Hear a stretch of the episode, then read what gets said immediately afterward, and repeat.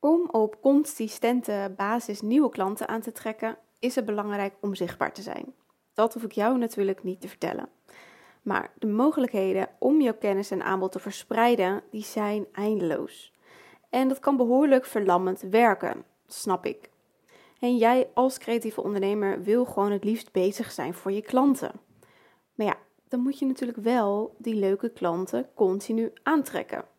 Nou, hoe zorg je er nu voor dat je niet met losse vlodder schiet en uren bezig bent met content dat weinig oplevert? Daar vertel ik je graag alles over. Hey, leuk dat je luistert naar de Rosanne Boxen podcast. De podcast over liefdevolle marketing vanuit een ijzersterke strategie. Hier deel ik praktische tips en geef je inzichten over marketing, business en mindset zodat je groeit in omzet en winst, maar ook in mindset en voldoening. Wil jij meer overzicht, structuur en balans in je bedrijf? Luister dan verder. Enjoy! Hey lieve ondernemer, superleuk dat je weer luistert naar een nieuwe podcast. In de vorige podcast heb ik het met je gehad over drie soorten marketing: passieve marketing, actieve marketing en betaalde marketing. En waarom het belangrijk is om vooral een actieve marketing te doen. Nou, in deze aflevering uh, ga ik je uitleggen hoe je die drie verschillende soorten marketing op een goede strategische manier kan combineren, zodat je op korte termijn nieuwe klanten aantrekt, maar ook zaadjes plant voor de lange termijn. Oké, eerst even een korte recap van die verschillende soorten marketing. Betaalde marketing is de meest obvious. Uh, natuurlijk heel simpel, alle soorten marketing waarvoor je betaalt. Advertenties dus. En passieve marketing is heel kort gezegd uh, alle soorten marketing die jij de wereld inslingert en waarbij het maar even afwachten is ja, wie het nu precies ziet, leest of luistert en, uh, en wanneer. Het denkt bijvoorbeeld aan blogs, uh, podcasts, social media content. En actieve marketing is wanneer jij heel actief persoonlijk het gesprek aangaat met je doelgroep. En uh, dat kan bijvoorbeeld uh, fysiek op een netwerkevent zijn of online via een DM op social media, uh, masterclasses of een challenge. Nou, wil je hier nou meer over weten, luister dan vooral de vorige aflevering even terug. Voor nu gaan we dus in op hoe je deze soorten marketing nu slim en strategisch inzet. Nou, om jouw doelen um, te halen, zowel op korte termijn als op lange termijn is er één ding mega belangrijk. En dan ga ik er even vanuit dat jouw doel is natuurlijk klanten aantrekken. Even heel kort gezegd.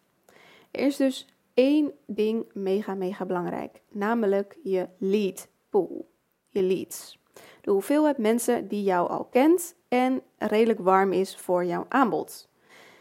En als je aan je lead pool denkt, dan zijn er twee dingen belangrijk. Namelijk um, je wil nadenken over hoe groot is mijn lead pool op dit moment en kan ik daar die gewenste resultaten mee behalen? Kan ik daar genoeg klanten uithalen komende maand bijvoorbeeld? En hoe kan ik ervoor zorgen dat die lead pool in de toekomst blijft groeien? Dat ik die blijf uitbreiden? Maar als je zowel op korte termijn als lange termijn eh, dus leads en klanten aan wilt blijven trekken, dan heb je je contentstrategie daar ook op aan te passen. Een mix van korte en lange termijn dus. En is je leadpool nu nog niet zo groot, dan uh, mag er dus meer aandacht naar de korte termijn marketing. En zit je voor nu op zich wel oké, maar wil je natuurlijk wel voor de toekomst dat ook zo houden, um, dan mag er iets meer aandacht ook naar lange termijn marketing. Maar het is wel belangrijk dat je altijd allebei doet, zodat het elkaar versterkt. Nou, wat is korte termijn dan eigenlijk? Korte termijn, korte termijn content. Um, korte termijn gaat dan ook vooral over kanalen waar jouw content ja, maar een paar dagen of uur of misschien zelfs maar een paar minuten zichtbaar is en daarna verdwijnt in de grote massa. zoals Instagram, uh, Facebook, LinkedIn, TikTok, je hebt natuurlijk kans dat iets viraal gaat en iets langer zichtbaar is. Um, maar ook dan, de kans dat dat jaren echt zichtbaar blijft, is super, super klein. En ook is deze content niet echt goed vindbaar. Ehm, als je bijvoorbeeld op iets zoekt naar Google, um, dan krijg je vaak niet Facebook of Instagram posts te zien. je krijgt vooral uh, websites te zien. Het is echter wel een fijn kanaal om met je doelgroep in gesprek te komen. En daarom kan je hiermee heel snel je leadpool laten groeien. Dus wanneer je korte termijn content plaatst, zorg er dan ook voor dat je interactie hebt met je publiek. Dus reageer, uh, reageer veel, stel vragen aan jouw ideale klant. Actieve marketing dus.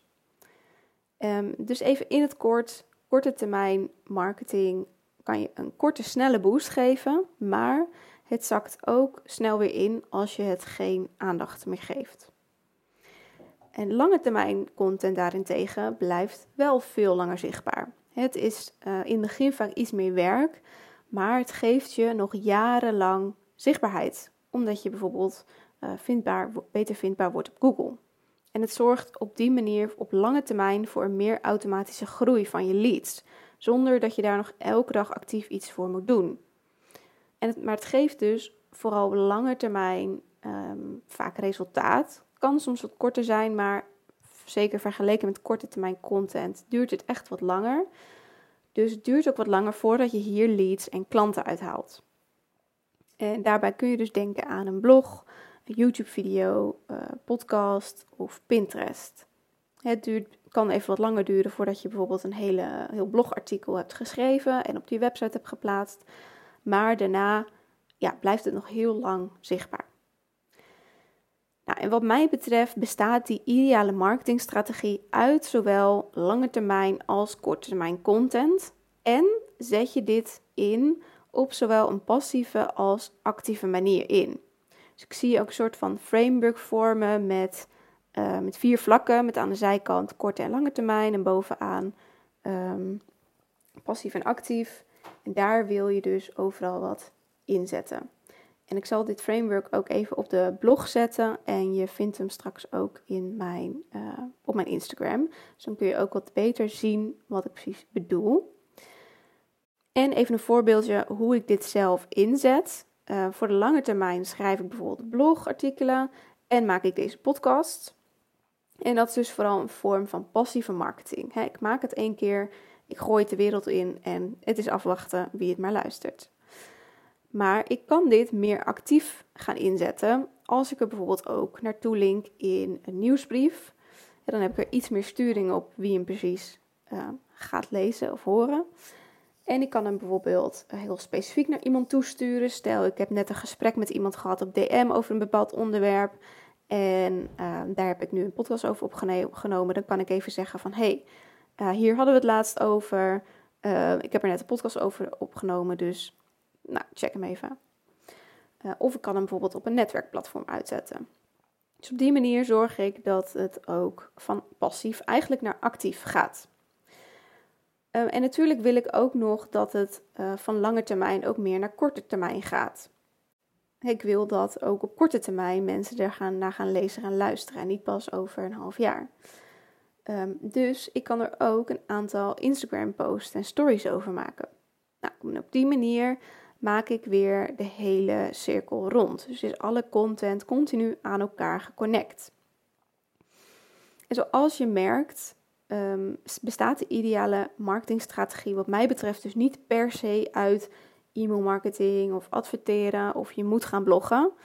Um, dat mag jij helemaal zelf gaan weten.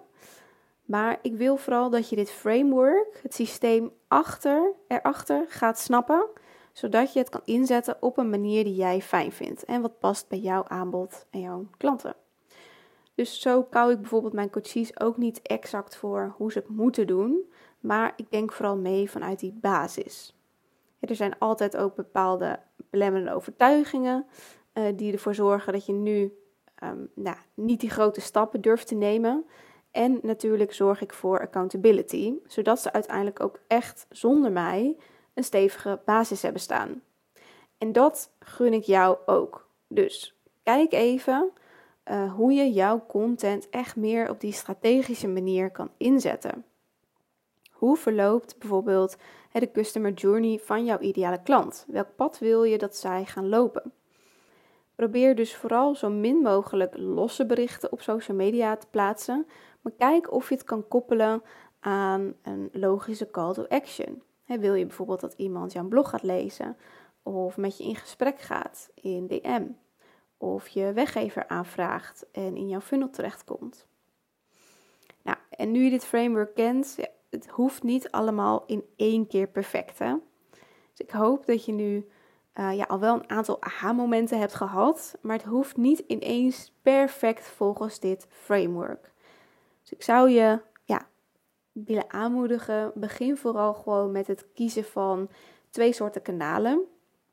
Eén voor de korte termijn en één voor de lange termijn, als je dat nog niet hebt.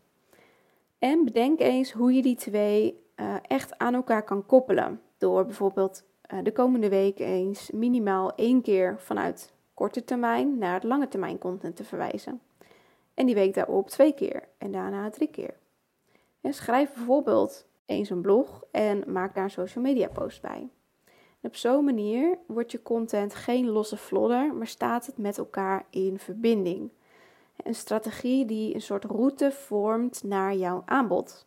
En via allerlei wegen verwijs je steeds weer naar andere content en Iemand komt op jouw website terecht en naar jouw aanbod. En zo is de cirkel helemaal rond. En gaat je strategie steeds meer voor jou werken. En ook nog een mooie meevaller. Dus op die manier hergebruik je je content ook nog eens veel meer, waardoor je minder content hoeft te maken. Dus meer tijd voor jouw klanten en jouw creativiteit dus. Een win-win situatie als je mij vraagt. Dus ik wil je uitdagen om, laten zeggen, de komende 100 dagen jouw strategie stapje voor stapje te gaan vormen en aan te scherpen. misschien heb je al heel mooi een aantal stappen uit dit framework en misschien kan je het echt nog wel een stukje scherper maken. Dus kies minimaal één uh, korte termijn en lange termijn content. En zorg dat je deze zowel op een passieve manier als actieve manier uh, gaat inzetten. Op die manier bouw je echt aan een sterke business. Voor nu en voor later. Wil je graag brainstormen over hoe je dit nu goed in kan zetten in jouw bedrijf? Plan dan vooral een gratis en vrijblijvende strategie-sessie bij me in. Het lijkt me superleuk om jou binnenkort te spreken. Tot dan! Vond je deze podcast waardevol? Dan helpt het heel erg als je een beoordeling en review achter wil laten in je favoriete podcast-app. Of deel een screenshot op social media en tag mij daarin. Zo kunnen ook andere ondernemers deze podcast vinden en zorgen we samen voor meer liefdevolle marketing. Abonneer je op mijn kanaal en dan zie ik je graag bij de volgende aflevering.